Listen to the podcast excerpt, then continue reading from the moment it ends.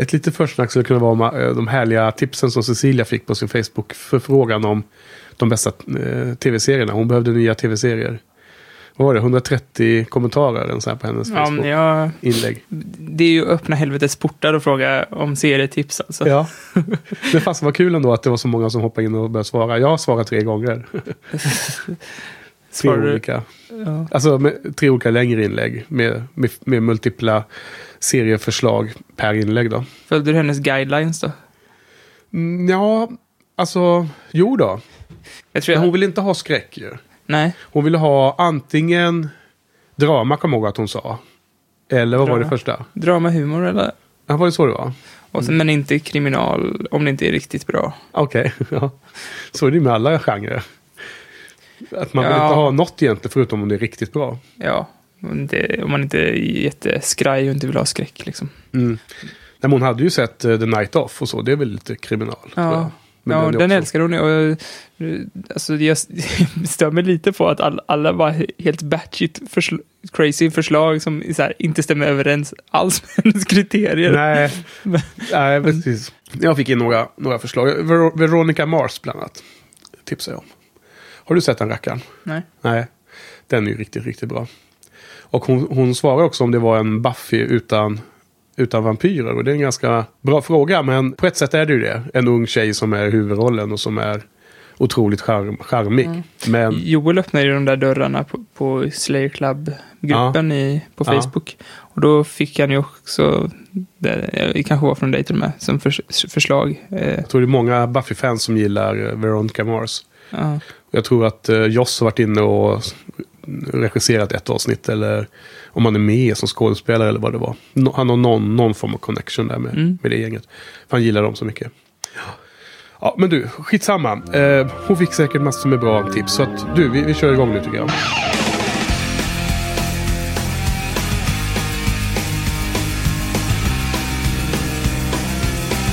Välkommen till avsnitt 45 av Buffy-podden, näst sista avsnittet. Idag ska vi prata om tre avsnitt. Det första heter Dirty Girls och är nummer 18 på sista säsongen. Och det tredje, andra heter Empty Places och det sista för kvällen kommer att vara Touched, som är avsnitt 20 av 22 på säsong 7. Så ikväll då så är vi ensamma här i filmrummet slash eh, poddstudion igen Johan. Ja, Det var jätteroligt att ha Erik här på besök förra veckan. Ja, han var väldigt skön att prata med. Mm. Behaglig kille. Och kul att få lite eh, förändrad dynamik så här i poddningen också. Även om vi, vi har haft lite färre eh, vad heter det, gäster den här säsongen. men Jag tycker det har varit ganska skönt också, mestadels. Eh, en ganska bra balans att ha in några gäster så här, med lite färre än när vi hade som mest. Ja, jag tycker det är jätte... Både att vi har dragit ner lite på avsnitten och gästerna Ja, är, har varit väldigt bra tycker jag. ja. Fick man mer tid att prata i lugn och ro om saker och ting Mm. i avsnitten. Så det kändes väldigt bra. Och då är det ingen skugga ska falla på de gästerna vi haft tidigare utan det var bara vårt eget tempo, vårt eget... Eh, känsla. klämma in fyra avsnitt och ha fyra gäster, det kanske är... Ja, Eh, fyra avsnitt åt då gången och blir så det bara ösa på. tre Ja. timmars avsnitt. Mm, Liksom. Hela tiden. Och ikväll då, eh, kära lyssnare, eller our gentle viewers, eller listeners är det väl. Mm. Så eh, tyvärr så har jag fått en liten förkylning och eh, legat hemma nedbäddad idag. höll dig för hjärtat så jag trodde du skulle få hjärtattack eller något. Nej, så att jag låter kanske lite, eh, lite krasslig på rösten och kanske hostar lite under kvällen. Men får jag hoppas att ni kan ha överseende med det. Jag ska försöka eh, hålla igen så mycket som möjligt. Men du, eh, vad spännande. Vi börjar närma oss slutet. Det är ju eh, eh, något som vi har nämnt några gånger tidigare på de senaste poddavsnitten. Och det känns verkligen som att the, the bitter end närmar sig med stormsteg. Eh, hur tycker du det känns? Och det är ju för både med, med, med serien och med poddningen ju. Ja, ja, det är blandade känslor. Det är lite vemodigt. Man liksom har varit så ingrottad i den här världen i så lång tid nu. Det, det, det känns... Jag undrar hur det kommer bli, liksom. Ja, precis. Det var ju slutet på 2015 vi startade. Någon gång i typ november ungefär. Mm. Kommer inte ihåg exakt nu då, men det kan man ju se på hemsidan. Så det känns som att det har alltid känts som att, vara, att det har varit så himla mycket kvar. Och nu Mm. plötsligt så har det ganska snabbt vänt till att känna som att det är nästan ingenting kvar alls. Nej, man, man vill hela tiden gasa och sen nu känns det bara som att man vill bromsa. Ja, lite så. Och eh, vi fick också massor med kommentarer nu från senaste veckans eh, avsnitt. Vilket var kul. Eh, li- lite mer än de, de gångerna innan känns det som. Vi fick en fråga om, eh, jag vet inte om det var nu, men att den här eh, reglerna till att vinna den här boxen. För Ja. för, förra avsnittet så sa vi att det var ganska stor risk att man kunde vinna. För att om vi ska vara ärliga var det ju typ två stycken som hade mejlat in. Ja. Men nu är det ju nu är det betydligt fler. Ja. Så, men men det, det, och det enda man behöver göra är ju det är bara mejla. Det, är inte- ja. det är inte något mer än så. Var, var, var med i tävlingen. Vinn en eh, box av alla säsonger av Buffy. Ehm, och jag, det var ju Plox, Jonas i, i Malmö, vår kompis, som, eh, heter, eh, som har bloggsidan Plox. Eh, som har kommit ikapp oss nu, som himla roligt. Och han hade ju kommenterat tror jag för första gången faktiskt. Så tack för det. Så han frågade ju om, vi, om det var verkligen inte var någon sån här bivillkor att man skulle utföra något göra någonting. Och jag personligen tycker jag att det är så himla trist med sådana här tävlingar där man ska skriva en motivering. Du vet så här. Vinn det här, den här filmen eller vinn de här biljetterna eller något sånt där. Och så ska man då fylla i sitt namn och sen ska man motivera. Och de är jag aldrig med i för jag tycker det är så himla B, sådana där töntiga korta motiveringar som, som då ska vara så här klämkäcka och så. Jag har ju en kus- kusin som alltid var med i sådana tävlingar. Ja. Så här, ballerinakex och allt möjligt skit. Och han har, han har alltid så mycket jävla skit hemma. Han vinner har alltid. vunnit. Ja, han, Ja. han liksom har satt i system att bara vinna massa skitgrejer. Han har liksom hittat nyckeln på hur man ska skriva de där motiveringarna. För att, För Ja. ja. tal om att det är ju så semmeltider nu också. Och jag hade Ja. genom jobbet också någon sån här se- semlor. Ja, Mm. eh, jag gjorde en hemsida där man ska sätta betyg på eh, semlor och då ville kunden, min kund, då, att vi ska ha en tävling också. Ja. Och vilka, och då var det så här, mejla in eh, motivering och vinn semlor till dig och ditt jobb. Ditt jobb. och då folk mejlade in sådana jäkla snyfthistorier där min mamma ligger på sjukhus och Mm. massa olika hemska sjukdomar och grejer. Man försöker guilt-trippa en till att vinna. Ja, ja, det är just det där som jag har lite svårt för. Då. Men, så vår, vår tävling så är det bara att mejla in och så är man med. Mm, man är diskad om man ger någon motivering eller Ja. om man smörar i mejlet. Ja, nej det är inte riktigt sant heller. Det kan man väl säkert få göra, men eh, det ska inte ge någon extra fördel i eh, tombolan. Ja, eh, vi, vi fick ju ganska många kommentarer då, bland annat från, från Plox, som sagt, och hans kollega Randy där nere. Eh, de var med i tävlingen. Mm. Så fick vi från de, eh, lite fler från de vanliga, usual suspects va? Ja, och Alexandra. Eh, Ja, före detta gäst i podden. Ja, hon sa något om att Andrew, att de, han var lite inslängd för att eh, möjliggöra, eller så här, för att kanske stå för en spin-off senare. Se, se hur pub- publiken reagerar, var det inte något sånt? Ja, som en extra trivia där. Ja, Det tyckte jag lät som en otroligt dålig idé ju. verkligen. Han är ju han har redan alldeles för mycket plats. Ja, nej men det jag menar med det är ju att uh, om man nu är förtjust i den här världen och sen har en fortsätta i samma värld men inte ha Willow och Buffy och Mr. Giles och alla man älskar liksom. Mm. Det skulle bli så otroligt dåligt känns det som. Men det finns ju en annan spin-off där, det är, där man inte har Willow, Buffy, Ja. Giles. det finns ju det. Ja, du menar Angel. Men de, de ympar av sig med ganska många karaktärer där. Mm. Men det hade de ju kunnat göra i eh. Andrew också, om serien skulle heta det. Ja, det är sant. Du menar att de skulle gjort, en, en, eh, gjort om precis samma sak? Ja. Ja, men det låter som en jättedålig idé faktiskt, tycker jag. ja. Nej, jag, I och för sig tyckte jag det, det nog, känns som att de kanske var, hade lite tur att Angel funkar överhuvudtaget. tycker jag. Ja, för, för ska jag vara ärlig så tyckte jag nog att Angel lät som en dålig idé på pappret också. Ja, ja. Ja, och sen var Sofia inne och skrev och hade en del bra synpunkter där. Och Patrik var inne och rättade. musiken. Ja, Det var ju- Lyssna på den biten med helt andra öron. ja, precis. Det var ju um, inledningsscenen där som jag klippte in. Ja. Jag tyckte det blev ganska bra. ja, det blev Um, var det Mozart eller något liknande där va? Ja, det var när han förklarade Gentle Viewers, Ja, eh. Vampires grejer. Han var lost in, in a story och så. Han är ju, han är ju trevlig, Andrew, helt klart. Jo, men Patrik lyfte här. Jag var ju helt förvirrad då när både du och Erik tror jag. Det var den här scenen när Andrew hade pratat med folket i Los Angeles, med Angels folk. Och det som ledde till att Willow skulle åka bort två dagar. Ja, just det. Och då så sägs det ju i dialogen att det är Fred som, som ringer. Och, Mm. och det, Fred är ju en kvinnlig karaktär som heter Fred. Är det spoil nu för Angel? Nej, men det, ja, det är spoil på att den karaktären finns. Ja. Men, men inte mer än så. Att hon är kvinna, det, det, det ser man så fort man ser henne. Ehm, nej, skämt åsido. Så att, och jag bara helt hade glömt av det. Så att jag, vi var, jag var lite förvirrad där.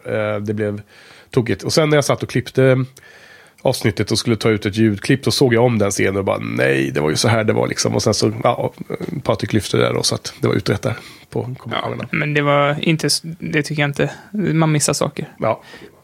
Och jag missade det, så att det, då kan det inte vara så farligt. Ja. Ja, men du, eh, folk får gå in på buffypodden.se för att läsa de här eh, kommentarerna på förra veckans avsnitt. Och på det kommande då. Is there someplace you'd like me to drop you? You headed someplace? Sunnydale. I'm going there myself. I ain't never been, but I expect we could find a police station or. I uh, just need to get to Ravello Drive. Um, but thanks. Father Call me Caleb. Never was nobody's daddy. Shannon. Well, Shannon, you feel like telling me why those freaky Joes were after you? I'm Not sure. Oh, do you ever think that maybe they were chasing you because you were a whore? What? No, now I know what you're thinking. Crazy preacher man spouting off at the mouth about uh, whore Babylon or some such. That ain't me. I'm not here to lecture you. I mean, what's the point? The words just curdle in your ears. Wouldn't take in a thing. Head filled with so much filth that ain't no room for words of truth. Well, you know what you are, Shannon? Dirty. What? I'm not. What? now, am now, no, no, no. There's no blame here. You were born dirty. Born without a soul. Born with that gaping maw wants to open up, suck out a man's marrow. Makes me puke think too hard on it. Så eh, det 18 avsnittet i säsong 7 då heter ju Dirty Girls. Och i det här så eh, dyker eh, Caleb upp, den här eh, The First eh, hantlangare. Eh, den eh, eh, ledaren av de, de onda, så att säga, som kommer som Buffy och gänget kommer strida mot i slutet här av säsongen. Och eh, eh, vi ser också att Willow kommer tillbaka från Los Angeles och med sig har hon Faith. Mm. Eh, så det är ett kärt återseende. Och eh, eh, Buffy och alla potentials och Faith och hela gänget då, Willow, eh, Sander och så vidare. De, Buffy bestämmer sig att de ska anfalla Caleb bättre förr än senare. Mm. Eh, och eh, de anfaller honom i någon källare i någon vingård. Och det blir en väldig fight och de blir, blir totalt spöade. Buffy blir ju... ehm, har ingen chans mot Caleb. Han dödar ju två potentials och han sticker ut ögat på Sander som är en ganska brutal scen där i slutet faktiskt. Ja, För den scenen Ja. Fick mig att fatta en eh, cosplay från eh, Slayer Club det Ja. året då jag inte var med. Förstår, förstår jag. Den var ju briljant ju. Med, med röda tummen ja. Ja, och Caleb. prästkrage och röd tumme. Det är helt Ja. klockrent. Jag kommer inte ihåg om han hette Johan eller vad det var, men vi intervjuade honom och han är ju Ja. med i de intervjuerna. Jag får lyssna på den, Mm. det avsnittet nu då när jag har sett alla avsnitt.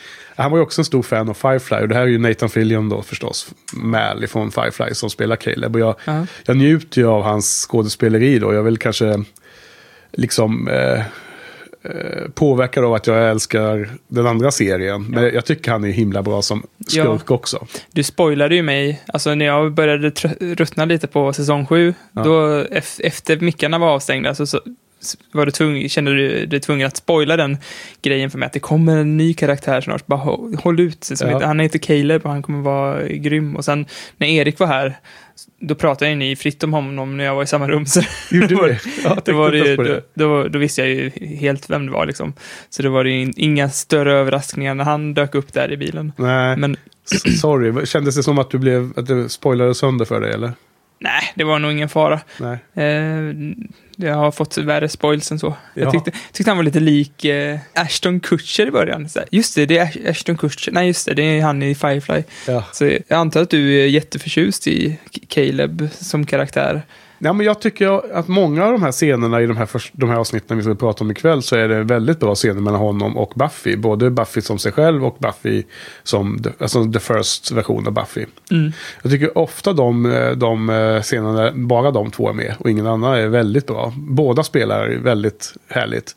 Ganska understated och eh, små medel men som ändå man, man sitter och blir helt uppfylld av. Oh, jag, jag vet inte ifall jag håller med, eller så här, små medel känns inte som Calebs grej. Han är ju ganska, han känns väldigt eh, seriefigurig, vilket, alltså han känns lite som om han i Firefly skulle cosplaya någon random karaktär. Jo, någon från typ någon präst från First, eller True Detective och, eller och någon blandning mellan han, prästen i True Detective och han som åker åkergräsklippare.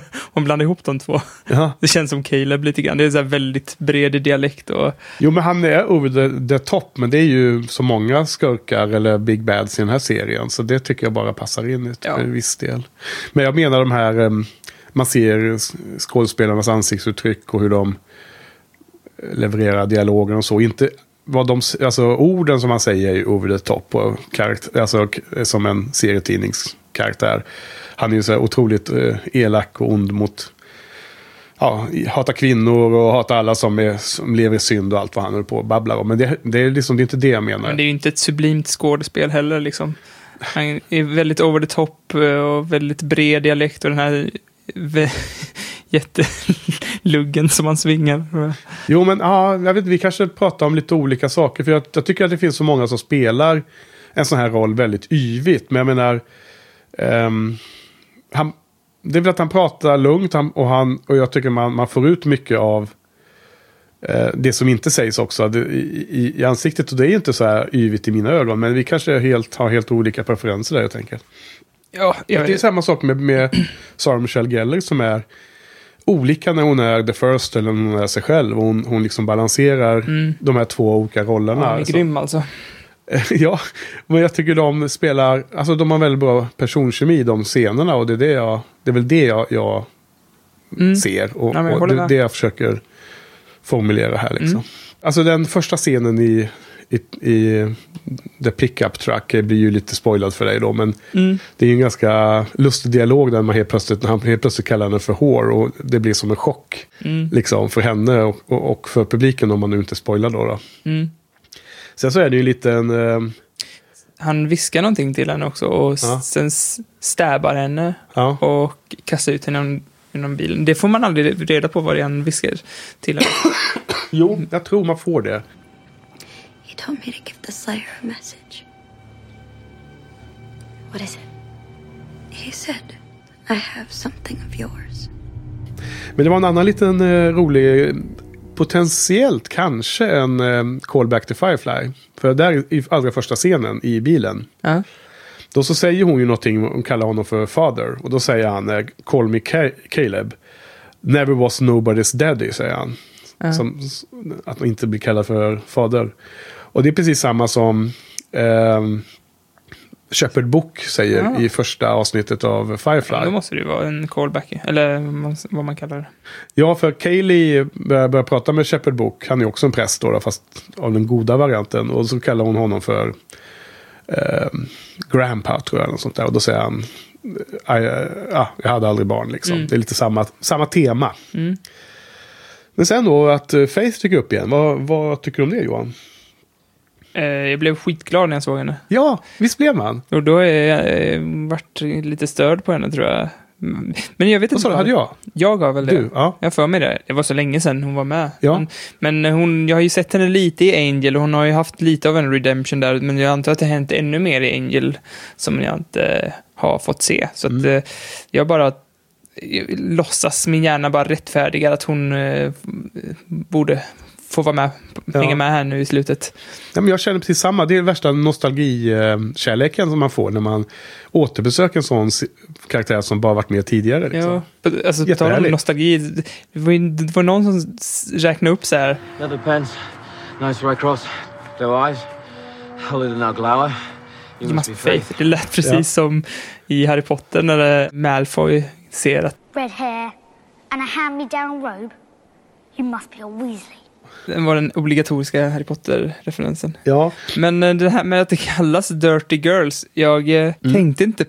Jag tänkte på eh, titeln sen när avsnittet var slut, för det finns ju en, en passage där, där Sander drömmer om tjejer. ja fånig scen. Jävligt dålig scen. Ja, jättefå. Alltså, jag, jag förstår väl att han drömmer så, men va- varför ska vi se det? Det, vad, och så bara, det kan inte vara det här, för det är ju inte Nej, det- tjejerna som är dirty, det är ju han som är dirty. Så bara, det kan inte vara det här, så då kollade jag om delar av den. Så här. Och så såg jag att eh, Caleb, Ja. han pratar lite om det. Sen Ja, blir det alltså- mer och mer tydligt i de nästkommande avsnitten. Men, Jo, men jag tror att det, är, det finns ju tidigare avsnitt som heter Bad Girls. Det är, Ja, det. det. Det. är det när Faith eh, lurar med sig Buffy ut att Just vara bad. mm, Och de eh, gör inbrott i den här knivbutiken och allt det där. mm. Eller vapenbutiken. Så att det är, tycker jag, en callback till Bad Girls. Nu heter det Dirty Girls. Och det, det heter Dirty istället för det, det Caleb kallar dem, allihopa. Är det första avsnittet som eh, Faith är med Bad Girls? Nej, det tror jag inte. Det heter något annat då när hon dyker upp och hon berättar om eh, hur hon har stejkat naken och Faith. så här. Ja, Faith, Hope and um, Trick, någonting. Mm. Ja, så var det nog. Tror jag. Det har vi inte kollat upp innan. Så det jag tyckte det var fel. skitintressant också att se hur hon, eh, hur hon reagerar, eller hur hon är med andra människor där. För att Spike har hon väl hon har väl typ flyktigt träffat honom när hon var Buffy antar jag. Hon kommer in där Ja, hon säger ju det också. när relationerna är väldigt så här, eh, frostiga, man ska säga. Ja. När Giles och Buff, eh, Buffy har ju precis stängt igen dörren i Giles ansikte och, Ja. och Buffy, eh, eh, ja, hela gä- gänget är det är lite så här konstig stämning där. Och så Ja. kommer Faith in och, all, och all, plockar upp allting till ytan liksom. Alla måste förklara, så, ja men det här har hänt. Och, och eh, även eh, härligt, coolt att se Dawn, att hon sä- säger, she's all a woman size. Ja. Och de har ju egentligen aldrig träffats egentligen. Nej, men, Så som Spike brukar prata om Dawn, ja. ja, ja, bite bite size. size Ja. Buffy. Ja, men alltså Faith är så himla underbar. Hon, hon sveper in och det är väl... Och så kallar hon då The Potentials för The Wannabes direkt. Det är också så roligt. eh, för de är ju verkligen wannabes. Så det märker man ju mer och mer hur jävla irriterande alla de här små brudarna är. ja. Men jag tror att det kanske är så att, ja, jag tycker ju som någon skriver i våra kommentarsfält också, att det, allt det här med potentials, om det är Anneli som skrev det här för mig, att det är en ganska dålig grej som de hade i säsong 7. Mm. Jag, jag tycker det är som en artificiell sätt att skapa friktion i gruppen. Ja, speciellt efter de här tre avsnitten så verk, märks det verkligen att det inte är så bra Jag tycker det är dåligt. Men vad ska komma till var att det kanske är därför man älskar när Faith kommer in, för att man får en liten vibb av hur det var förut, när det Ja. var bra. Men jag tyckte också dialogen var så mycket bättre mellan Faith och Buffy. Jag vet inte vad som hände. Ja, framförallt tyckte jag att det var en otrolig personkemi eh, mellan Spike och Faith. Ganska direkt här. Ja, Håller du med? När de satt i källaren där menar Ja, du? till exempel. Men det var flera gånger som de är liksom above hela det här chattret och hela det här gnället verkligen. och köttet med, i gruppen. Men det var någon också som sa att eh, Spike har ju bra kemi med alla. Och det är Ja. fan sant. Man kan para ihop honom med vem som helst och det blir Ja, men det har inte blivit... Ja, sprakar liksom. absolut, men... Med har- Dawn och Buffy och ja, till och med med Giles. Ja, precis. Av och till, ja. Men under den här säsongen så har han ju inte riktigt varit eh, i framkant. Det är först nu i slutet när han fått tillbaka sin, sin eh, Moxie, tycker jag. Ja. Och, och, eh, så att det är också ganska länge under den här säsong 7 som han inte varit på topp ju. Spike ja. Ja, Ja, och det tror jag är eh, inte skådespelarens fel. Liksom. Det är nog att han har fått... Att, Ja, vi har pratat om det så mycket. Skit i det. Men Ja. eh, det, det har blivit så här himla grötiga relationer överallt. Allt, så här, de här potentialerna är väldigt tjuriga och Giles, han har ju han har blivit nya Spike. Han gillar man ju inte alls längre. Och jag bara hoppas att det är typ den här underneath devours you, att det har någonting med the first göra, att, de här, att relationerna också blir så konstiga och grötiga, för att man ser ju att all, det, blir, det är ju liksom apokalyptisk stämning i Sunnydale just nu. När ja. alla, ja, det är uppror Ja. liksom. Polis, poliserna börjar, det är konstiga. Ja. Folk börjar fly och så. Nej, jag vet inte um, om det kommer... Ja, men det är möjligt att det kommer då de sista två avsnitten. Att det på något sätt förklaras att gruppen har mått dåligt av bara för att The First har påverkat dem. Det vet jag inte, men För annars är det ju bara dåligt skrivet känner jag. ja. Men det kommer vi prata mer om i nästa Ja. avsnitt. Då när det blir riktigt dåligt i gruppen. Men några fler grejer här. Eh, Sander håller ju ett inspirational speech som får eh, Andrew att börja gråta här ju. Han har ju en riktigt bra speech. Jag har inte skrivit upp exakt eh, vad han säger. Men kommer du ihåg den scenen eller? Var det precis i slutet, I slutet, där ja. när Buffy kommer in och Sander lyfter eh, Buffys, eh, varför hon är så bra ledare. Ja. Ja, det var eh, så fullkomligt klockrent och så osjälviskt och jag Ja. tycker det är så himla bra att Sander har det för att, Ja. eh, ja, som sagt, det förra talet så kände jag bara att det gick att vända lite på hans motiv där. Det- det väl- var, det var- lyfte ja. han och Buffy faktiskt. ja. Jag tror att mycket. det här är väl innan de drar iväg på den där fighten som har sånt dåligt slut. Ja. Och eh, det är så kul där med Andrew, för han är ju helt klart sugen på Sander och älskar honom liksom. Gillar honom mycket och så. Och alltså det är ju en, en, en eh, inflation av speeches kan jag tycka. Men det här var ett av de Men bra. Jag gillar det. Jag, gill- men är det bra så är det ju Ja. det är awesome med lite winger speeches. Och även Faith kom in där samtidigt och hon gav ju någon dräpande kommentar där att Okay, Buffy doesn't care how many of us she puts in Let me danger. tell you something about Buffy. In fact, you should all listen to this. Uh, we kind of were. I've been through more battles with Buffy than you all can ever imagine. She stopped everything that's ever come up against her. She's laid down her life literally to protect the people around her. This girl has died two times and she's still standing. You're scared, that's smart. You got questions, you should. But you doubt her motives, you think Buffy's all about the kill, then you take the little bus to battle. I've seen her heart, and this time not literally. And I'm telling you right now, she cares more about your lives than you will ever know. You gotta trust her. She's earned it. Damn. I never knew you were that cool. No, you always were a little slow. I get that now. ja, jag älskar Faith där.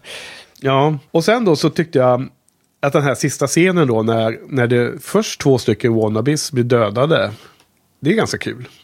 Att det verkligen händer eh, så hemska saker för gänget. Kul på det sättet att det blir på allvar då känns det som mer. Ja, jag har pratat om det innan men jag tycker bara det känns lite billigt. Nej, men det ska inte vara sånt mer. Jag menar, och sen det här med tummen i ögat och så, som också är en ganska, Ja, den var ganska mäktig scen. Liksom. Han, han- är så, så tung figur i serien. Hans skrik skar ju verkligen igenom Ja. kroppen på en. Men var du spoilad på detta på något sätt? Jag misstänkte att det var den, när den här fighten började. Jag visste inte hur det skulle hända och jag visste absolut inte. Alltså när han tryckte in tummen där, bara ah, det var det cosplay-grejen var. Ja. Men, men eh, när fighten började så då kände jag på mig så här, det är nu han får den här patchen. För att det, jag visste ju att han skulle få en patch. Ja. Jag har ju sett det. Det är ju som en liten thumbnail också. Ja. Han med, så jag trodde, jag, egentligen hade jag trott att han skulle få den mycket tidigare. Ja, just det. Men det var ju inte förrän nu. Ja, nej, men jag, jag, jag tycker det var bra att det blev som man, det här uttjatade uttrycket att the stakes is high, liksom. Are high. Men eh, sen så kanske de inte behandlar det speciellt väl i nästa avsnitt. För att det var ju mycket mer, om vi bara snabbt blickar fram så var det mycket mer ojande och liksom vridande av händer över att Sandry låg på sjukhus och hade förlorat ett öga när två av tjejerna dog. Liksom. Ja. Det var nästan ingen som nämnde det. Ja. Tyckte det var lite konstigt.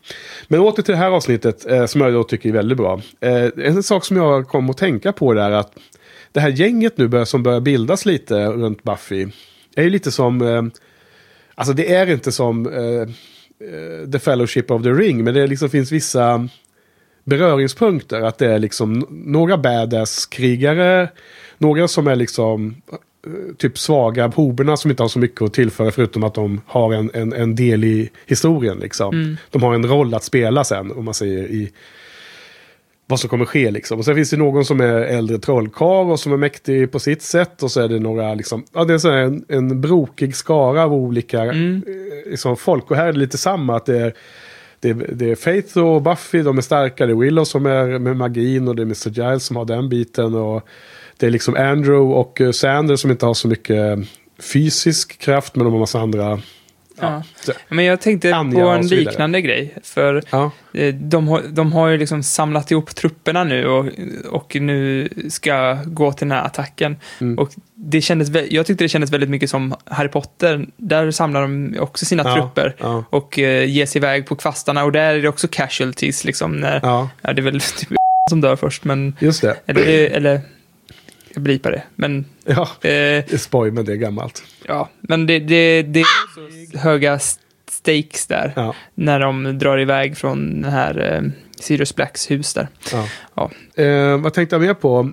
Eh, jo, men det var på tal om eh, referenser och Harry Potter-referenser så var det ju en, en lustig Star Trek-referens också. Aha. För Andrew han fantiserar ju om eh, Faith där i början av avsnittet någon gång. Och då får man se hur Faith slåss mot eh, Vulkan som jag antar skulle vara Spock då eller något sånt där. Ja. I hans fantasi. Det är lite roligt för jag tror att den här de har flera gånger de har Star Trek-referenser, men vi har inte varit så... Jag har inte sett Star Trek, jag inte, heller. inte du heller, så vi har inte varit så duktiga på att lyfta upp dem. Men här Nej. var det en väldigt uppenbar sån. Ja, nästan lite för uppenbar. Jag tyckte den roligaste Andrew-grejen var när, eh, eh, jo, jag tror att det är någon potential som säger att eh, det kommer inte vara så svårt. Det är, som Broderick hade ju inga problem med att döda Godzilla och då ser man Andrew typ få en panikångestattack och typ Sander! Och Sander, Sander bara, det är inte den riktiga Godzilla som eh, Broderick, eh, Matthew Broderick dödade. Ja, i den filmen från 98 eller vad det är. Ja. Ja, just det. Ja, det var också en kul kommentar. Det är lite så här åt samma typ av humor som eh, Big Bang Theory. Med att de är så nojiga över de olika te- eh, tidningarna och Ja. vilken, vilken hjälte är vilken och vem gör vad och sådana Ja, saker. verkligen. Ja. Men det, det har gjordes liksom typ 15 år senare då i Big Bang Theory. Ehm, sen min sista kommentar som jag har skrivit upp det här då. då eh, för övrigt jag tycker det var ju himla bra avsnitt alltså. Jag älskar ganska mycket det här. Faith är tillbaks, Calebs eh, entré. Att det blir ganska... St- att de skruvar till... Att det känns lite mer allvarligare. Att de verkligen kan förlora vissa medlemmar i gruppen. Mm. Och mycket roliga grejer. Både humor och bra utveckling. Ehm, så jag, jag älskar det här, det här avsnittet väldigt starkt. Det är som, Mm. kanske inte riktigt lika bra som de vi såg förra veckan. Nej. Men precis snäppet under. Och helt klart kanske kandidat på nosa på topp 5. Oj.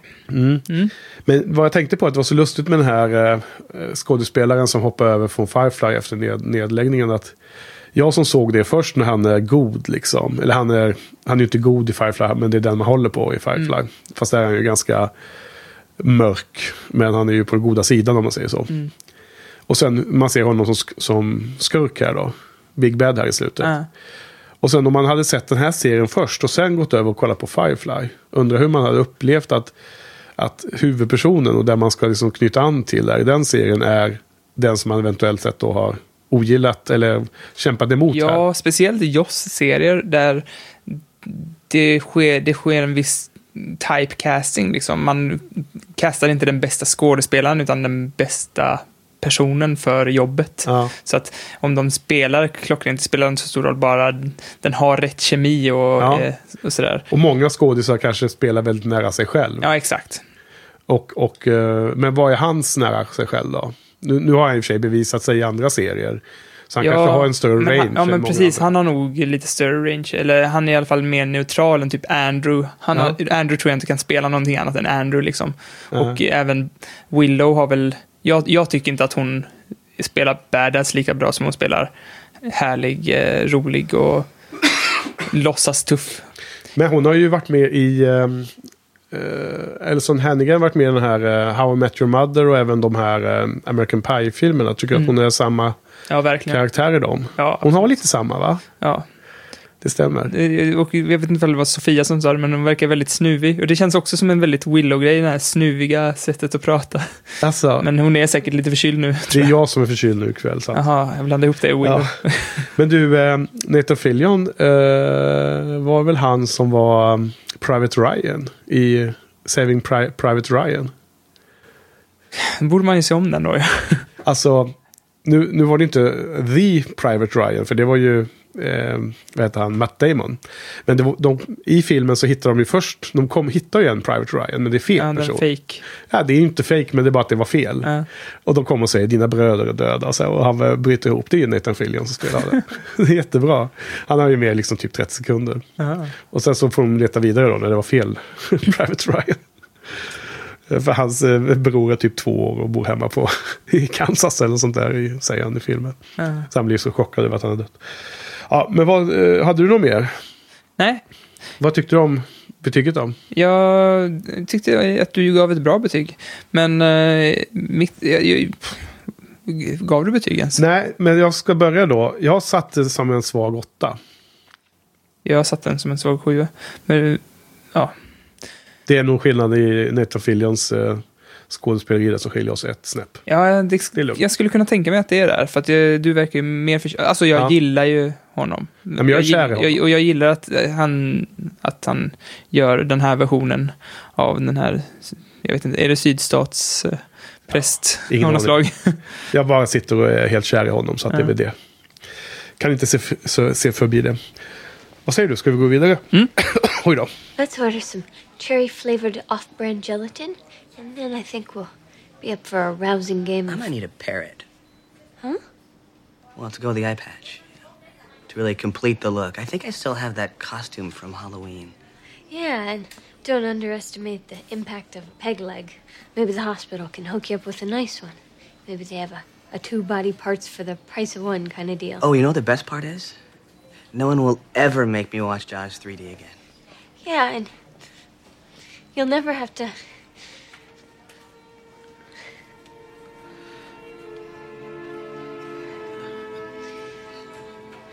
Oh, Willow. Please don't.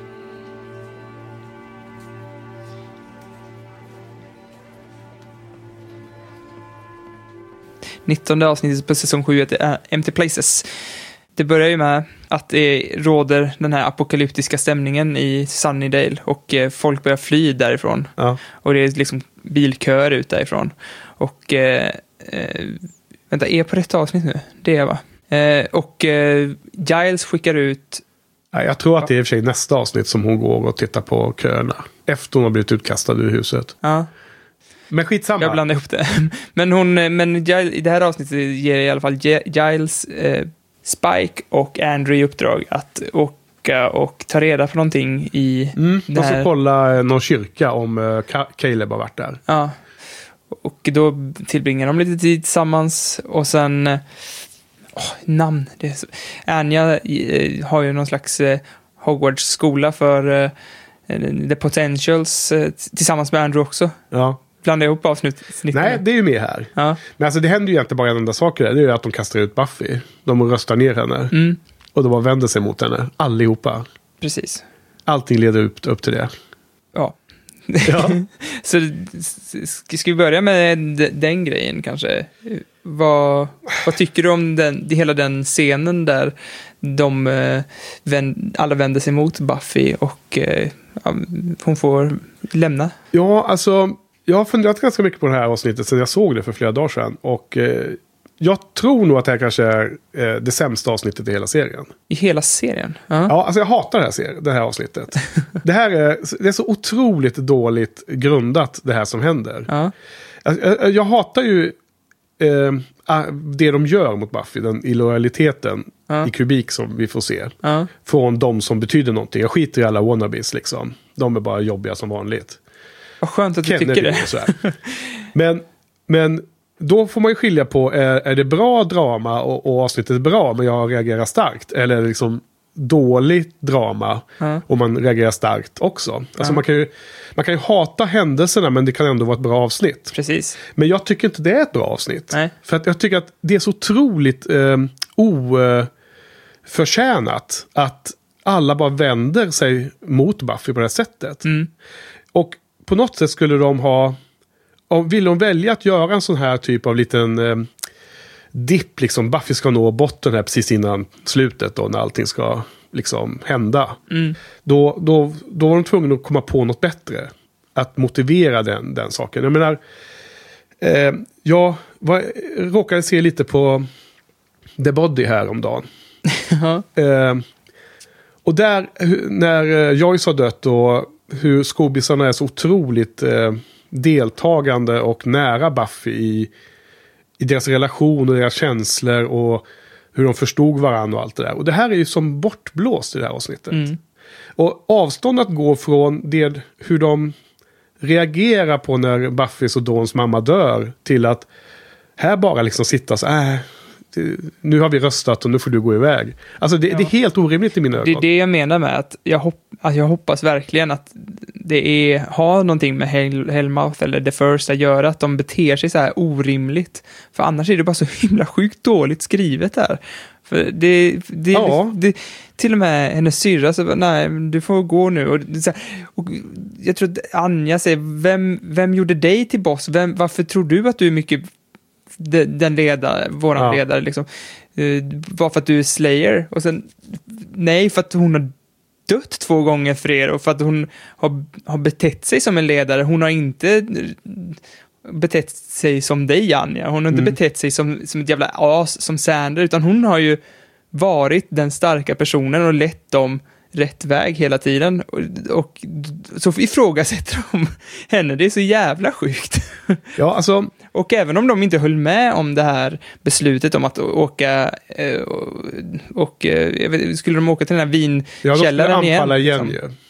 Det är det som hon gör Om man sen inte håller med om det, då kan man ju liksom lägga fram ett argument för det. Inte bara, Mm. nej, du är inte vår ledare längre, för vi vill inte följa med dig. Nej. Det, finns ing, det är så jävla Alltså det, det, det, om man ska försöka se något bra i, i scenerna så är det väl att hela gruppen är så krigstrött på något sätt. De orkar inte ett anfall till fast Buffy förstår att det är det de måste göra. Mm. Och som hon, hon bevisar att det var rätt också. För hon anfaller ju själv sen, nästa avsnitt. Ja, men det är också... Jag, jag, jag kände att det var... Hon hittade det här vapnet det här jag, jag, jag blev så jävla besviken på när de kastade ut Buffy. Och när, när eh, Faith kom ut och pratade, jag vet inte vad hon skulle säga, men Hey, look, I swear I didn't want it to go Don't. this way. I mean it. I. Don't be afraid to lead them. Whether you wanted it or not, their lives are yours. It's only gonna get harder. Protect them. But lead them.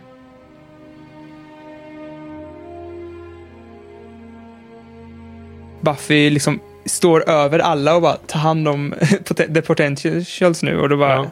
då kände jag att fan, någonting fanns det där i alla fall. Men Ja, den, den scenen när man tror att Buffy ska skälla eller sparka tillbaks mot Faith. Men hon, hon, hon, hon, eh, den stora personen i den scenen är ju såklart bra. Men det, det är så många saker som är fel i den här. Alltså, de enda som man skulle kunna tänka sig har syfte att hämnas på Buffy är ju Faith och Robin som jag ser det.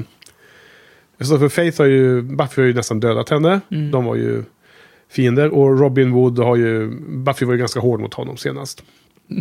Men, men, men det, det är ju också ganska osannolikt i, dem, i det som leder upp till scenerna. Men alla andra, framförallt eh, Willow och Sander och Anja och Mr. Giles och Dawn är ju liksom helt obegripligt. Och att, Ja. att Dawn vänder sig mot sin syster, det, det gör hon ju bara för att Buffy, Buffy ska kunna bli utkastad ur huset. För att Dawn säger det här är mitt hus också. ja, men precis. Annars hade jag varit så här, ja nu får du gå och så ska alla mm, ha kvar hennes hus. Liksom, då hade det ju blivit tvärtom. Då, då skulle alla lämna och då skulle de ju bli liksom dödade av, av eh, bringers, eller vad de heter, med en gång. Ja, men så, precis. så, så att det är liksom bara en sån här nödlösning. Och det, det blir en lustig koppling till den här scenen när Joyce och det här spöket pratar med Dawn i det här tidiga avsnittet. Du vet när, när det spökar hemma hos henne. Conversations with dead people. Mm.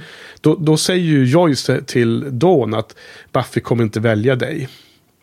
Eller hur? Och så Just är ju det. Dawn osäker sen och, och, och liksom tycker att Buffy inte älskar henne och sådana saker. Men här, det, det som sker är ju tvärtom. Just det, det och det är ju som The på. First som säger en framtids... Eh, säger någonting som kan liknas en framtidsversion men lurar ju Dawn så det blir ju tvärtom ju. Ja, ja det är sant. hade jag sagt att du kommer inte välja Buffy. Akta dig för det liksom. Då hade ju Dawn kunnat bete sig bättre här. Ja, det tänkte jag också. Bara, Det är så jävla konstigt att de kastar ut henne från he hennes hus. Och dessutom så har ju hon tagit in the potentials Ja. och skyddat dem. Och när the poten det var ju en potential som flydde från huset Ja. och blev dödad på en gång. Ja. liksom, Och en annan som till och med de kom åt inne i huset som hängde sig själv. Och inte ens där kunde de skyddas och ännu mindre utanför. Och liksom, hon har bjudit på flingor varje morgon och allt det här liksom. ja. Eh, så att, alltså, jag hatar avsnittet, jag hatar hur det får mig att kännas inombords. Jag, jag, jag liksom, det bara, det slits inombords liksom. Det är som att se, det är som att Sam skulle överge Frodo i slutet på Sagan om ringen liksom. alltså, det är också så här o, o, helt orimligt för hur hela storyn har lett fram till Ja, slutet. Alltså, av alla de här sju säsongerna så är det ju liksom att eh, man kan lita på sina vänner, eller det är väl det som... Ja, familjen eh, som inte är biologisk familj. Ja, Det är det man, man har liksom. Det Ja. enda man har. och så är poängen på he hela de sju säsongerna motsatsen, att man har bara sig själv. Ja. Nej men alltså jag tror, jag tror att det här är liksom ett försök att göra så här, du vet, andra vändpunkten som är i västerländsk film. Ja, Första vänd- vändpunkten är när någonting händer och man måste ta action och så gör man mot något bra och sen så blir det andra vändpunkten. Det är när protagonisten har liksom som mest jobbigt. Det händer nå- något eh, mot, ja, eh, vad heter det? Eh, Då får motflytt någonting. Så är man på botten och sen ska sista akten lösa problemet och ska man liksom komma i mål bra. Och det här är ju som andra vändpunkten då. Fast lite väl sent kanske man kan tycka också. Det är Ja. bara fyra avsnitt kvar. Och sånt där. ja, verkligen. Men Joss har väl gjort den här grejen, fast lite bättre i Avengers-filmerna. Där de också blir slitningar inom gruppen Ja, med lite mer trovärdigt sätt kanske. just det. Ja, ja nej, så att... Eh, alltså, samtidigt så hade ju Andrew en del roliga eh, scener. Eh, det var någon gång i mitten av avsnittet eller i början på andra halvan där när Spike och Andrew åker motorcykel. Det är ju en otroligt härlig image. Mm. Kanske en sån här bild för avsnittet till och med. Men där är, ja, men där är ju alltså Spike så himla... Alltså det är så mm, bra... Eh, vad fan heter det? Personkemi Ja. emellan dem. Precis som det är mellan eh, Spike och alla. eh, Ja, som och Faith i förra ja. ja, Ja, och det, det hade varit så, jag tycker det hade varit så coolt om de två blev buddies. Det är sån så här ja. hel, eh, alltså, otrolig, alltså oväntad relation. Ja, att de precis. två skulle trivas med. Alltså, Jag tror tyvärr inte att det blir så mycket Nej, men det dem. var ju tydligt i det här avsnittet, för de Ja. låg där på golvet och väntade på att eh, det skulle bli mörkt, Ja. eh, så att de kunde åka hem igen. Då eh, satt ju Andrew och typ ville spela I Spy med honom och eh, Spike blev jätteirriterad. Det hade varit roligt för han eh, var så svag för Andrew så han, han, tyckte det var, han skulle tycka det var en bra idé. Jo, men du, För, för när de satt på motorcykeln där så tyckte han ju att det var jättehärligt att prata om de här, någon slags eh, friterad eh, lök eller vad fan det var. Ja, just det. Han- Någon lök i någon blomform. Ja, och han formation. sa, han sa typ att om du säger det här till någon så kommer jag döda dig. Ja, Ja. och det påminner så himla mycket om, alltså det här är så jävla sjukt, men det påminner om grejen jag gick på gymnasiet. Då var jag så här väldigt mycket outsider för att jag var nörd och gick på byggprogrammet. Så att då, då spelade jag något som heter Warhammer, eller jag målade mest figurerna om jag ska vara ärlig. Och eh, Tennfigurer. Ja, plast. Det fanns väl säkert tenn också. Men liknande sådana tennsoldater. Och eh, eh, så fick jag nys om att en i min klass också spelade Warhammer. Så då Ja. tog jag tag i honom och sa, ja men, vad, vilken, eh, man kör olika lag, vilket lag kör du då? Ja. Och han bara, nej jag kör inte det. Så bara, nej, men jag har hört att du spelade, att du var med på Kalkon, det var så här, ja, spelklubb i Kalmar. Så bara, nej, det har du fått fel om. Sen typ någon dag senare så haffade han mig så du pratar aldrig med mig om det här Ja. i, Var det hemligt alltså? Ja, han ville inte att det skulle spridas. Han ville inte att det skulle spridas. Nej. Vad konstigt då. Jag tror inte Ja. folk beter sig så Nej, det egentligen. var verkligen som en seriefigur. Ja, men alltså, det, är så här, det är sånt där skämt som alltid är i filmer och tv-serier. Men som, ja, som i den här tv-serien nu. ja, men alltså, ja, jätte, jag blir förvånad. Ja, men alltså, Andrew är som är härlig och jag, jag har funderat lite på varför vi gillar honom så mycket. Du har ju haft dina dubier, men jag känner ju själv att man gillar karaktären så mycket. Han är ju den ultimata följaren.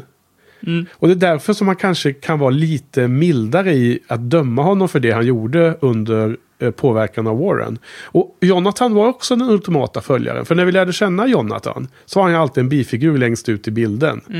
Han stod och åt popcorn där eller var på någon fest och hade inte ens en dialog. Och han, han ville till och med ta livet av sig för han hade inga vänner. Så, så Warren, den patetiska elaka Warren, fiskar upp de här två karaktärerna. Eh, Andrew och Jonathan. Som har som sitt, sitt, sitt gäng liksom. De, de, de, det är de perfekta kandidaterna att bara följa med på Warrens ondska. För de är, är bara glada att de har någon att följa liksom. Och nu har ju Andrew fått i sig att ja, nu ska jag vara på den goda sidan. Och han försöker knyta an till allihopa ju. Han försöker knyta an till Sander, han försöker knyta an till Spike. Han, liksom, han vill ju bara ha ett, ett sammanhang liksom. Då är han nöjd. Och så har han sina fantasier som man får se ibland. Och det är ju det humoristiska här i de här avsnitten. Det påminner lite, det låter nästan som du beskriver en karaktär i Unbreakable Kimmy Schmidt. som är en bisarr humorserie, men då är, då är det också någon sån där eh, pastor av något slag som låser in eh, massa tjejer i ett skyddsrum. Så får de vara där under jorden i jättemånga år för att eh, han säger att apokalypsen kommer. Liksom, Det är enda sättet att skydda sig på. Så kommer de upp. Så är det en av de tjejerna som, som är den ultimata följaren också. Som försöker hitta folk att följa vart hon än kan. Ja. Påminner väldigt mycket om Andrew. Det, det har jag ingen, alltså är det där tecknat eller? Nej, det är hon i en liksom, bifigur i Bridesmaids som har en egen serie. Jaha. Så, oh, ja, att- väldigt absurd Okej. humor. Är den bra då? Nej, men den, jag tyckte den är ganska rolig.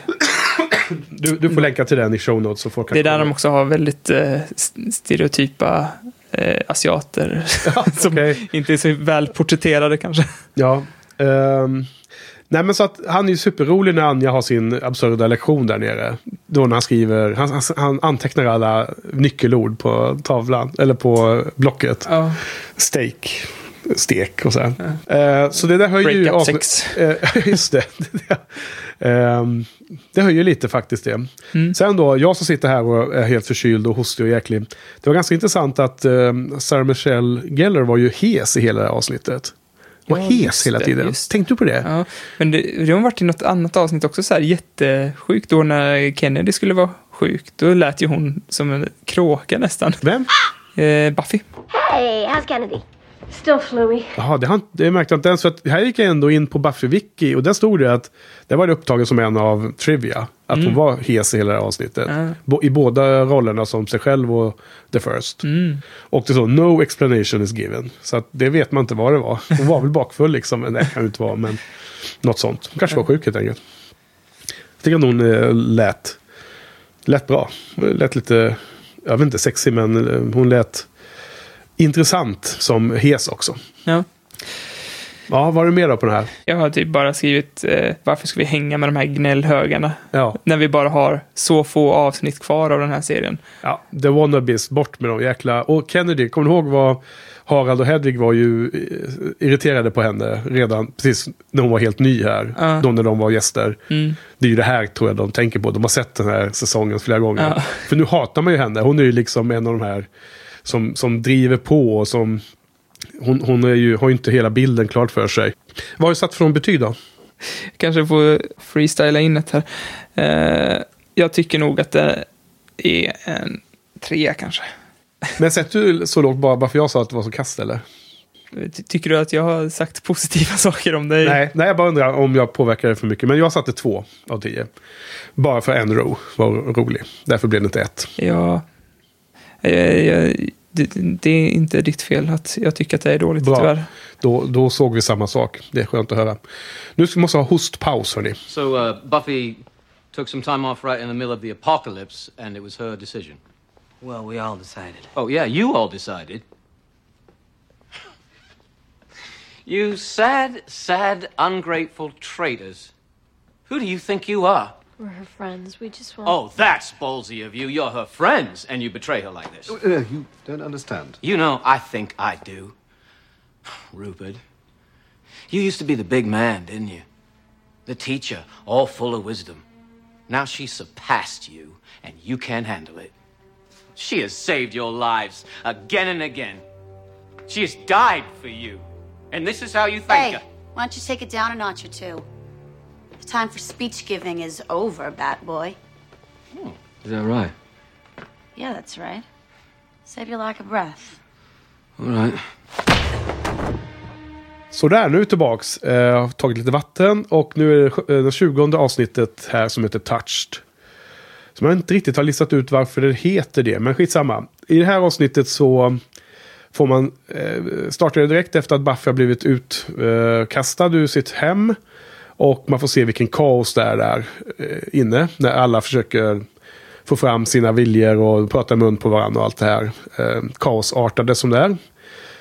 Uh, en del tror att det har blivit en demokrati och en del uh, tror att det är Faith som ska leda det. Och en del, ja, de vill massa olika saker. Eller hur? Och sen så dyker ju Spike upp, kommer tillbaks och så blir det en helt underbar scen när han skäller ut dem efter noter. Så han gärna hade fått göra lite mer, men han har ju otroligt väl valda ord där mot vissa av dem. Eh, just deras förräderi. Du, du, du ler, du ser glad ut. Men den, den scenen är ju underbar tycker jag. Det är härligt att han blir sådär upprörd. Och Spike har ju liksom hämtat sig nu Ja. från gnällhögen som jag inte gillade. Och jag förlåter honom för mycket för att han var en vampyr förut.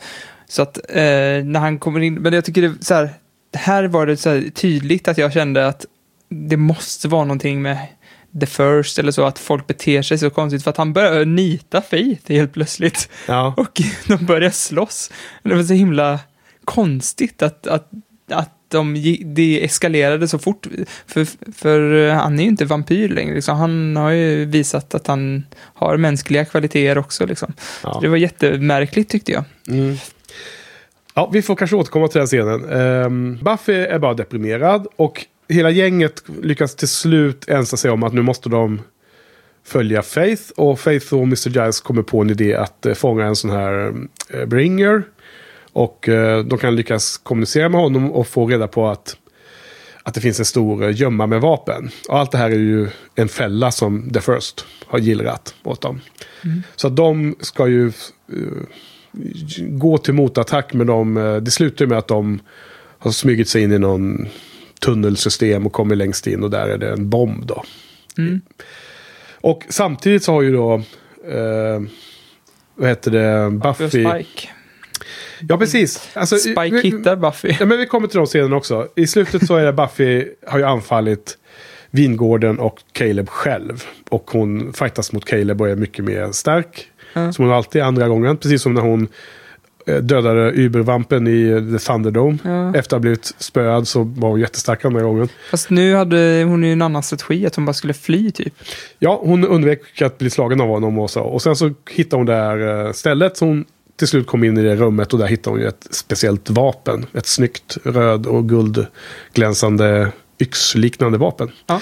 Så det var ju slutet. Och på vägen där så har vi de här scenerna som vi kanske skulle prata lite om Johan. För det är ju då någon passage där dels eh, Spike hittar Buffy och de spenderar en natt tillsammans. Och dels får man ju se att det är massor med, det är tre par som har sex. Det är liksom eh, kvällen före det stora slaget. Sexet. Det är ju Anja och Sander i köket och det är ju Kennedy Ska vi prata om och Willow. Ja, det ska vi göra. Bra. Alltså nu är sy- synopsis över. Och sen är det ju, vilka det, det tredje paret är ju jag med Faith och Robin Wood va. Och det första jag vill säga är att det är helt otroligt dålig när de lägger på en, en sång över de här scenerna. Ja. Som tar mig ur avsnittet rejält. Ja, det känns väldigt billigt alltså för att eh, även när eh, i början av Buffy så var det ju så här eh, osignade band som spelade och jag tyckte det var jättedåligt men det var ju ändå charmigt för det kändes som att det var eh, Buffy-själ över det liksom. Men här är det ju något slags mediokert eh, band som... Smörigt. Ja, men som bara som popmusik som var populär på den tiden som de har slängt in och det känns jättebilligt att inte ha rik riktig eh, musik som är gjord för den scenen i en sån ganska viktig scen känns det som för avsnittet. Så ja, jag håller helt med. Helt, helt be- Det som tog mig ur det här och jag tyckte att det blev lite, lite pajigt med alla dessa... Alltså, nu måste jag bara säga det, när alla lyssnare här nu håller på att slita sitt hår. Scenen mellan Buffy och Spike är ju sensationellt bra. Vi pratar om den sen. Ja, nu. Ska, vi- ska vi... som vi hoppar väldigt mycket Nej, men scenerna den, nu, men... av, av de här scenerna som är ungefär samtidigt där, innan de går iväg och fightas, Ja. så är scenen mellan Buffy och Spike jättebra. Men de övriga scenerna tillsammans med den här låten tycker jag inte ger mig speciellt mycket bra. Nej, Det är så jag ville komma till. jag håller med. Och scenen mellan Buffy och Spike, vad, vad, vad, vad tyckte du om den och hans eh, kärleksförklaring till henne där? Eh, alltså den var ju pissmör. Alltså hur- hittade han det, Han kände ju hennes doft. Han, han, han, eh, han, han, hans vittring. Hennes vittring. Det var lite som när varulven hittade också. Han var också duktig Men- på att lukta. Mm. Men, men i alla fall, hans speech där tyckte jag var eh, jättesmörigt. Men jag tyckte det var as bra ändå. För att det, han sa verkligen exakt det som jag, jag känner för Buffy. Liksom man, Ja. bara, man bara... Man älskar det hon är. Alltså, Ja. Och de pratar om det lite i... Nu känner jag att min röst också börjar ge sig. eh, I eh, The Buffy Rewatch. Att han har gått från den här själviska kärleken som han hade när han var en va- vampyr. Där han bara ville ha henne... ja, Han ville ha henne som liksom Ja. Ägo det. någon självbekräftelsegrej. Men här så bara har han, ger han henne kärlek istället för att Mm. ta hennes kärlek, eller vad jag ska säga. Ja. Jag tycker den var fan jättefin. Eh, och eh, hon hade gärna fått liksom krypa in i hans famn ännu mer i den scenen. Och sen när de ligger där och hon eh, vill att han ska ligga i sängen hos henne. Eh, otroligt fin scen också när man ser de andra har typ sex och den här patetiska sången. Mm. Men i deras fall så ser man att hon sover och han klappar henne över huvudet. Det är ju jättegullig scen alltså. Man bara för då- smälter. det, det ser man ju också skillnaden i eh, relation. För deras relation var ju som kanske Faiths och Robin Woods som är, ja, som de, deras Ja, är nu. ba- liksom. Bara fysiskt liksom. Ja, Mm. och de, de har precis helt flippat eh, relationen Ja, alltså det är inget där. fel med det bara fysiska relationerna, men just hur det presenteras i det här avsnittet, det är det jag inte gillar. Nej, Det får man ju kommentera, så inte folk missuppfattar. jag tror att du tycker det är jätte... Nej, men jag menar, det, det kan ju vara bra i olika sammanhang i, i showen också. Och jag, jag, jag tyckte de delarna med Buffy och, och Spike när de var som mest destruktiva och höll på och, och jump the bones hela tiden, det var bra också liksom. Men, men det här var ju mer Ja. fint. Jag tyckte ju inte det, men det är väl en annan diskussion som vi redan har haft kanske. Ja. Men, men jag, jag gillar, alltså den scenen var ganska lång och jag gillar sådana scener där det bara är liksom två personer som står och pratar. Och det, det börjar med att, eh, att de liksom byter plats. De så här, nu är det min tur att prata, säger Spike, så ställer han sig upp och så sätter sig Buffy ner i sängen. Och det på, jag tyckte det påminner väldigt mycket om en världens bästa film där de i slutet av Clerks 2, hela den, se- när de är i finkan Klockan två där. nu igen. Herregud. När de är i finkan där. Eh, det här är ingen spoil för alla har väl sett Clerks 2. Eh, att att de, de hamnar i fängelse och de står bara och pratar med varandra. Hela upplösningen. Och så bara, vad tyck, vad, de arga på varandra. Bara, vad tycker du jag ska göra då? Jag, bara, tycker du ska köpa tillbaka Quickstop och bygga upp det igen. Och så, så bor vi kvar här och så kör vi på. Liksom. Och likadant med Spike nu. Så här, vad, vad är det du vill säga då? Och Spike bara, jag vet inte förrän jag sagt, jag vet vad jag vill säga när jag har sagt det. Ja. Ja, men alltså, du måste veta, jag kommer ihåg lika mycket av Clerks 2 som du kommer ihåg av Firefly. Som är typ noll. Så det är kanske det som är nästa poddäventyr. Att gå igenom, eh, eh, vad heter det, Kevin Smiths eh, filmography. Ja, det är någonting man måste göra innan man dör. Ja, det måste vi göra innan. Podd om Ja. Kevin Smiths filmer. Nej, men kan vi konstatera att det var himla skönt att vi hade det här breaket efter 20 avsnittet och inte efter 19. För att 19 slutar med att de kastar ut Buffy och det är allmänt misär tycker jag i huvudet. Och sen kommer det här avsnittet när vi ändå får se Ja. eh, reaktionen av det liksom. Så det känns jätte, jättelämpligt att det var nu efter 19 då. Och så har vi två avsnitt kvar. Att det blev en break för poddavsnittsindelningen. Ja. Tyckte jag kändes bra i alla fall. ja, men det är bra. Eh, Om jag får fortsätta där i den Ja, ja. scenen Ah, okej. Ja, sorry, sorry. Nej, det här är en annan grej. Ja. Det var en annan parallell som jag tänkte på när jag såg dem. Ja. Eller när, när jag, egentligen när jag tänker på... Menar du Buffy och Spike nu? Mm, när jag Ja. tänker på Buffy och Spikes relation som jag tycker är så jäkla fin nu.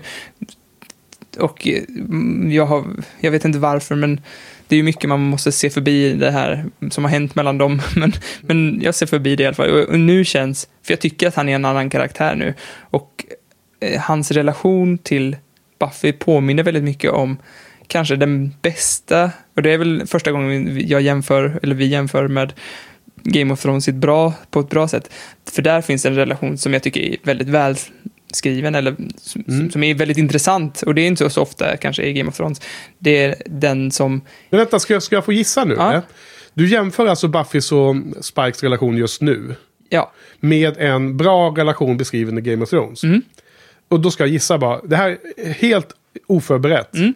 Jag, nu tar jag bara den första relationen som jag fick i huvudet. Ja. För att det är den jag kan gissa. Och då, och då tror jag att det är hon mellan den lilla tjejen, vad hon nu heter, Arya, och Ja. The Hound. Nej, det var det inte är den. bra gissning, men det är... Den relationen är ju bra. om, du, om du får gissa igen då? Eh, men det var den första som bara Ja. poppade upp i huvudet, så det var Okej. den enda jag kunde gissa. Nej, men det är den jag tänker på, Jorah och eh, Khaleesi. För Jorah, han har ju sån, han bara Och, viger och hela sitt... Mother of Dragon. Ja, Okej, han som har- blir som... st- exakt. Okej, okej. För han bara viger hela sitt... sitt alltså han...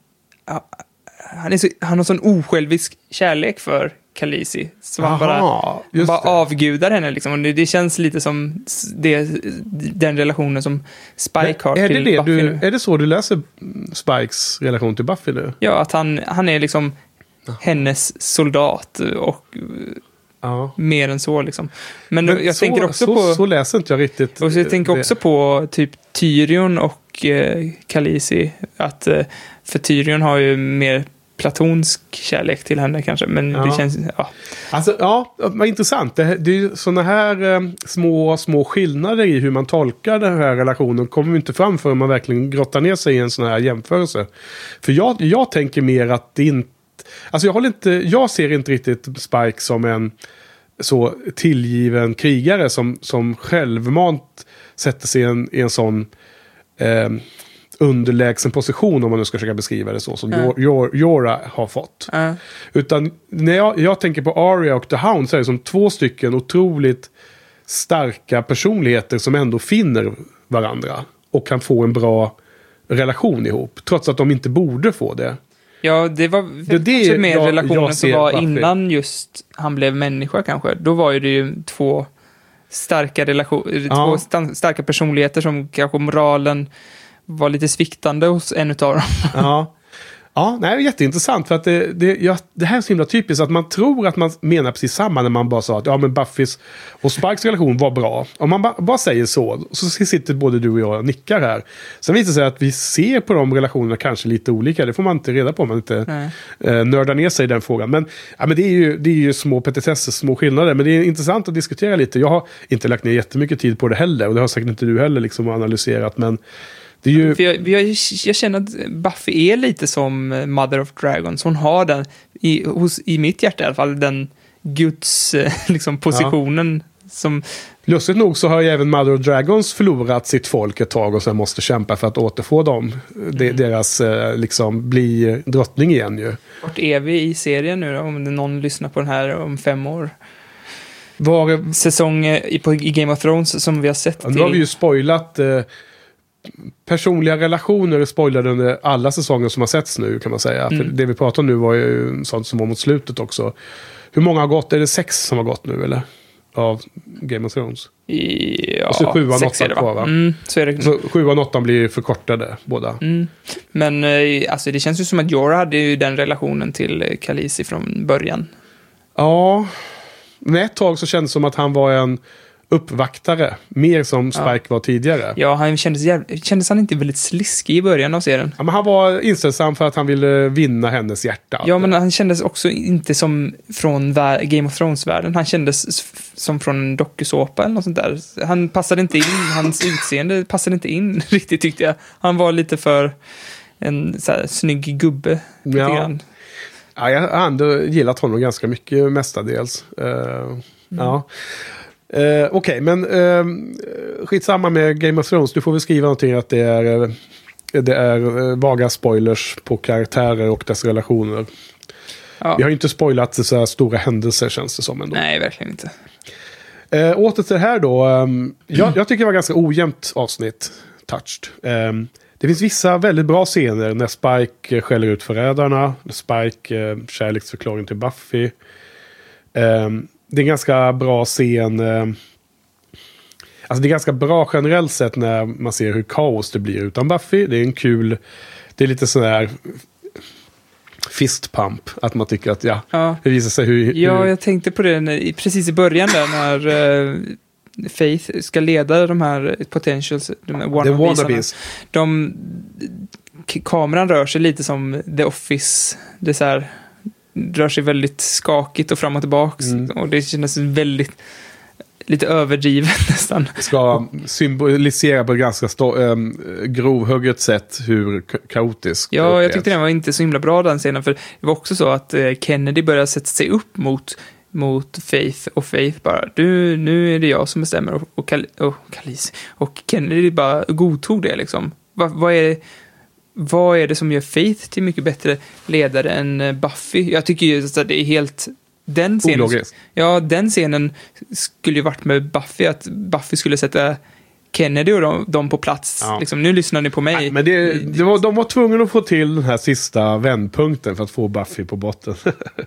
Ja, och sen så får ju också eh, Faith eh, besök av The Mayor som jag ant- antar att du eh, det gillar var väldigt härligt. Nostalgikänsla igen. Ja, jag tyckte också om den scenen faktiskt. Ja. Och jag gillar också att, jag gillar ju Faith väldigt mycket. Även om jag inte gillar anledningen till att hon blev ledare, så gillar jag henne som ledare. Och jag gillar att hon är så jäkla hård mot eh, The Mayor.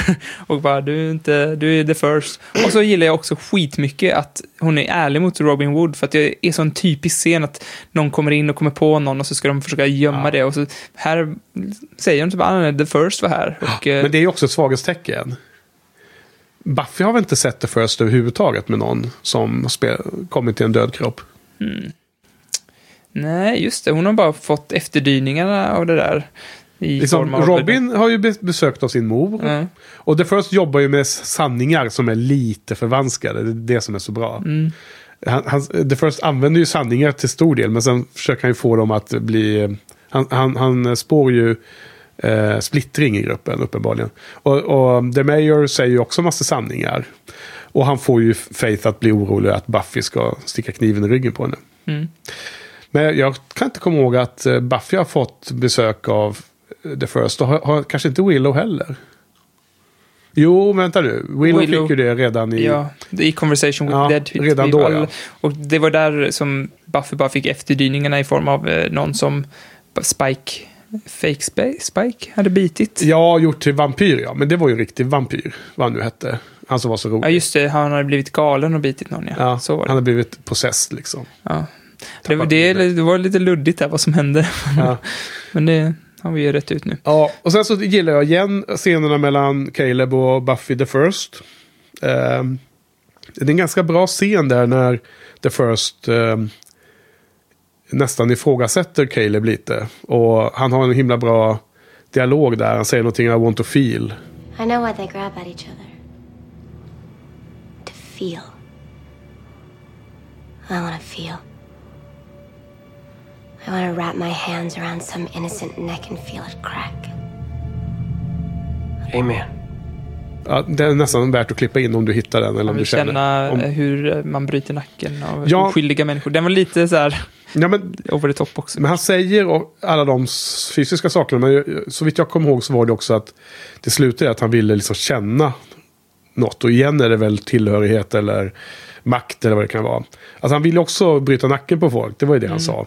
Men det slutade i någon annan. Det, jag tror att det var någon... Jag klipper in det. Det kan vara... Men eh, en av de bästa scenerna som jag tycker är, det är ju när, när Spike säger åt eh, Miss Giles att Ja. nu har eh, Buffy gått om dig och det, det, du kan inte hantera det. Så Ja. Det är därför du be, beter dig så här illa. Ja, men tror du att det är så? Eller tror du att det är The First de håller på att fucka med Mr. Giles hjärna?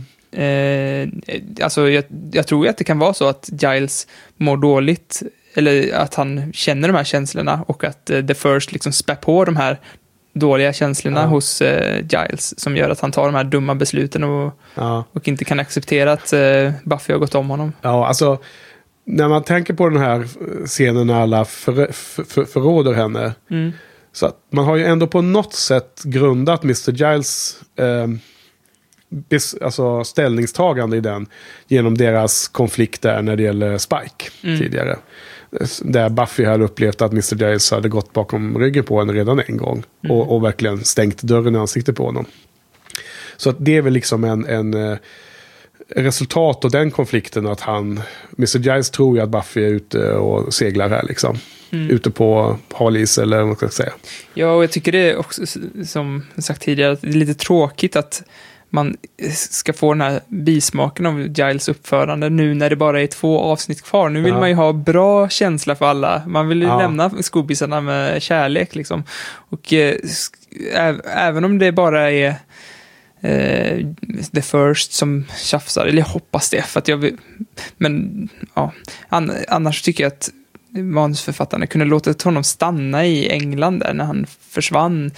Det, hade, det var nice att han kom tillbaks, men det räckte med att han kom och hälsade på en gång, Ja. så att alla fick säga hej då ordentligt. Men nu han eh, overstayed his welcome, tycker jag. Ja, det är möjligt. Vi får se hur det blir här i slutet. Jag har inte, jag kan, jag kan knappt eh, spoila det för jag har väldigt så här eh, eh, dåliga minnen från, jag kommer inte ihåg så mycket. Nej. Det jag nästan kommer ihåg mest från säsong 7, från tio år sedan ungefär när jag såg det, är ju just den här, det här avsnittet då, när, förra avsnittet då, när de röstade och det blev demokrati och Buffy blev utkastad. Och jag kommer ihåg det med otrolig obehaglighetskänsla. Så det, det satte sina spår redan den gången när jag såg det. Och jag reagerar precis lika starkt nu känns det som. Ja, alltså det, det är sjukt. När vi gick ut och pr- tog, vatten så sa vi båda två att vi, vi båda var beredda att försvara att den scenen var, var dålig. Ja. För jag, när jag såg den så tänkte jag, fan också, Henke kommer ju älska den här scenen, för han gillade ju när det blev, var slitningar i gruppen och sådär. Ska jag sitta och försvara varför den här är dålig? Och sen känns det som att du bara hade tänkt exakt samma sak och bara gasa på som fan där när, Ja, när det ja, kom jag- till den delen. Jag tänkte precis som du. Jag tänkte att ja, men Johan kanske gillar det här avsnittet. Tycker det är jättebra för att det är drama och det händer liksom. Det är mycket liksom hjärta och smärta. Men det var ju lustigt att vi båda var på samma våglängd här igen. Liksom. Men vi väl, har väl liksom smält ihop lite i, med den här gemensamma resan. Jag kan inte tänka mig att de flesta gillar det här. Jag Ja, vet faktiskt inte. eller Alltså- förra alltså, avsnittet. Det hette det förra, Empty Spaces. Jag vet inte var det ligger. Alltså, för, för, för mig var det inte, som, vi, som jag sa, det är inte bara att man blir irriterad på Kennedy och gänget. Utan det var verkligen dåligt gjort av showen tycker jag. Som avsnitt. Så jag skulle nog ranka det väldigt långt, extremt långt ner på en topp 144-lista då. Sånt som Joel sitter och knepar på, eller knåpar på. Han ska bli klar med här under 2017 som han lovat. Eh, det skulle komma botten fem säkert, eller något sånt där. Ja. Känns det som just nu. Men jag vet inte om det är den platsen som avsnittet har i gemene mans eh, eh, liksom ranking. Nej. Det kan vara intressant att få lite feedback på det från om vi får kommentarer. Lite om, om folk eh, gillar det här eller om de, eh, om de går emot vad vi tyckte. Om de, om de tycker att showen gjort ett bra avsnitt. Eller om de håller med det vi säger att det är ett dåligt avsnitt för att vara ett Buffy-avsnitt. Men du, det här Touch då, är vi klara på det eller? Ja, det tycker jag.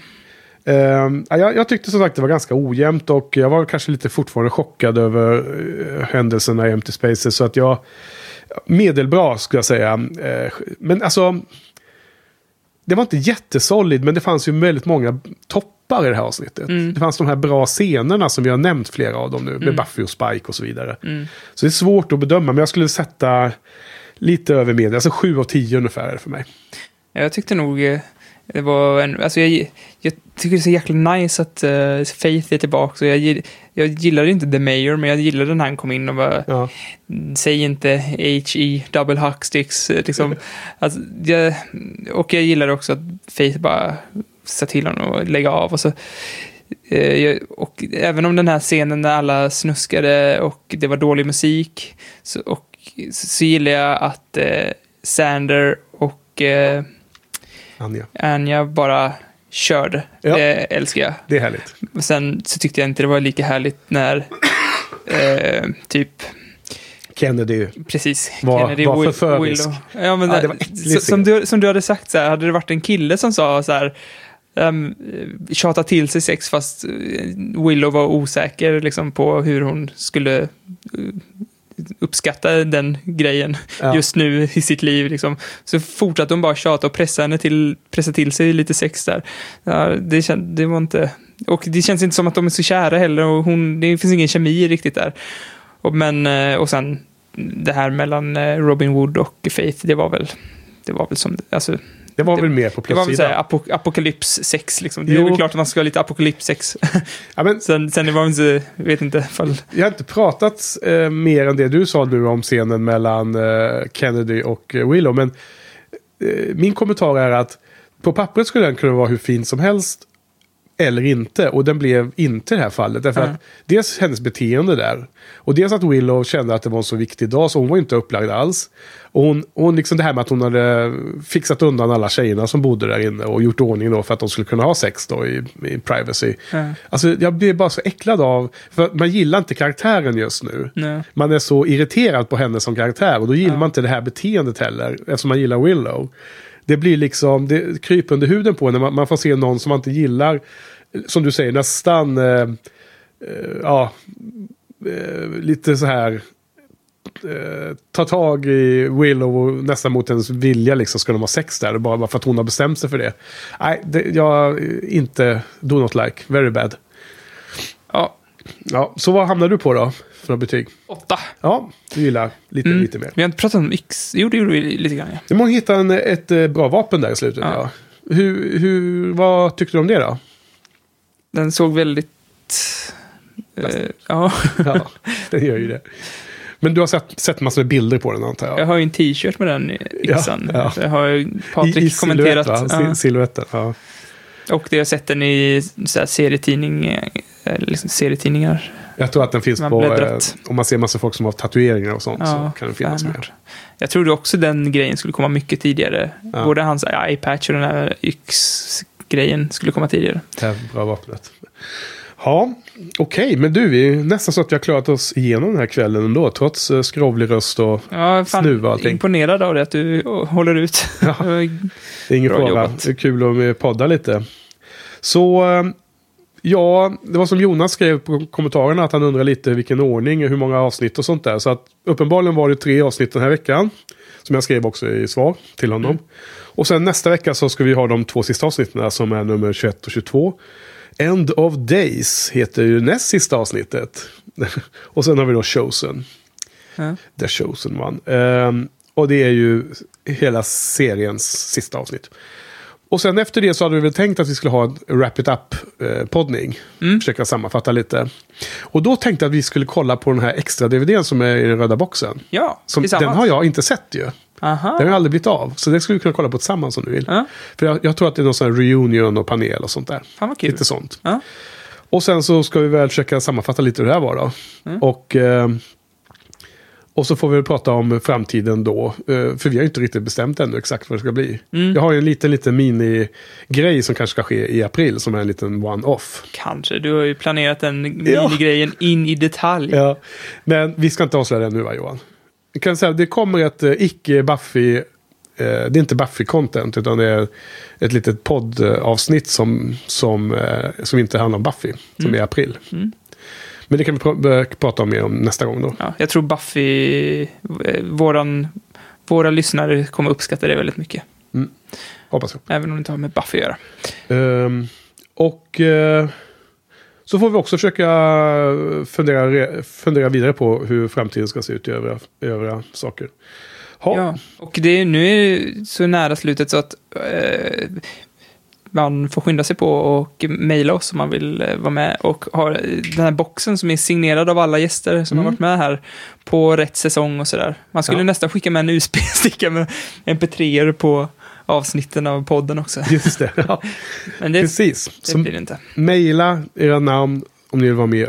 Och det var, vi sa att det var sista februari som var sista. Ja, det ska vi kanske göra näst, eller i sist, när Wrap It Up-podden får vi ju lotta ut den här boxen också. Absolut, då ska vi säga vem, vem som vann. Mm. Så har vi tänkt. Sista februari, mejla in bara om ni vill vara med på utlottningen. Och man behöver inte skriva någon motivering även om det går väl bra. Och det är Så. 2017 vi snackar nu, om man lyssnar på podden i efterhand. Just det, sista februari 2017.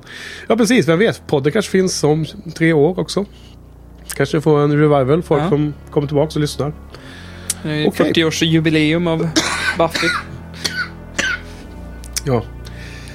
Okej, Ja, jag tror att rösten börjar, börjar ta slut nu. Så Ja. att, eh, vad säger du? Vi rappar den här. Done for, for the night. Verkligen. Ska du ha klippa i helgen? Bra jobb Johan. Det är ett bra jobb. Kör hårt. Mm. Okej, men då säger vi så. Tack Johan. Tack Henke. Tack Joss. Tack, för oss. Yeah,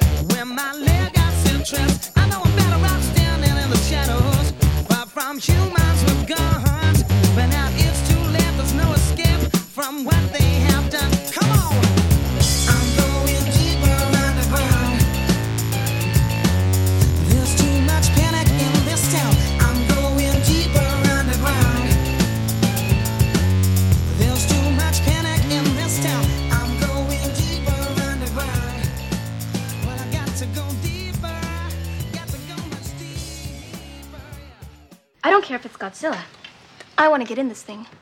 Godzilla is mostly Tokyo based, so he's probably a no show. Besides, Matthew Broderick can kill Godzilla.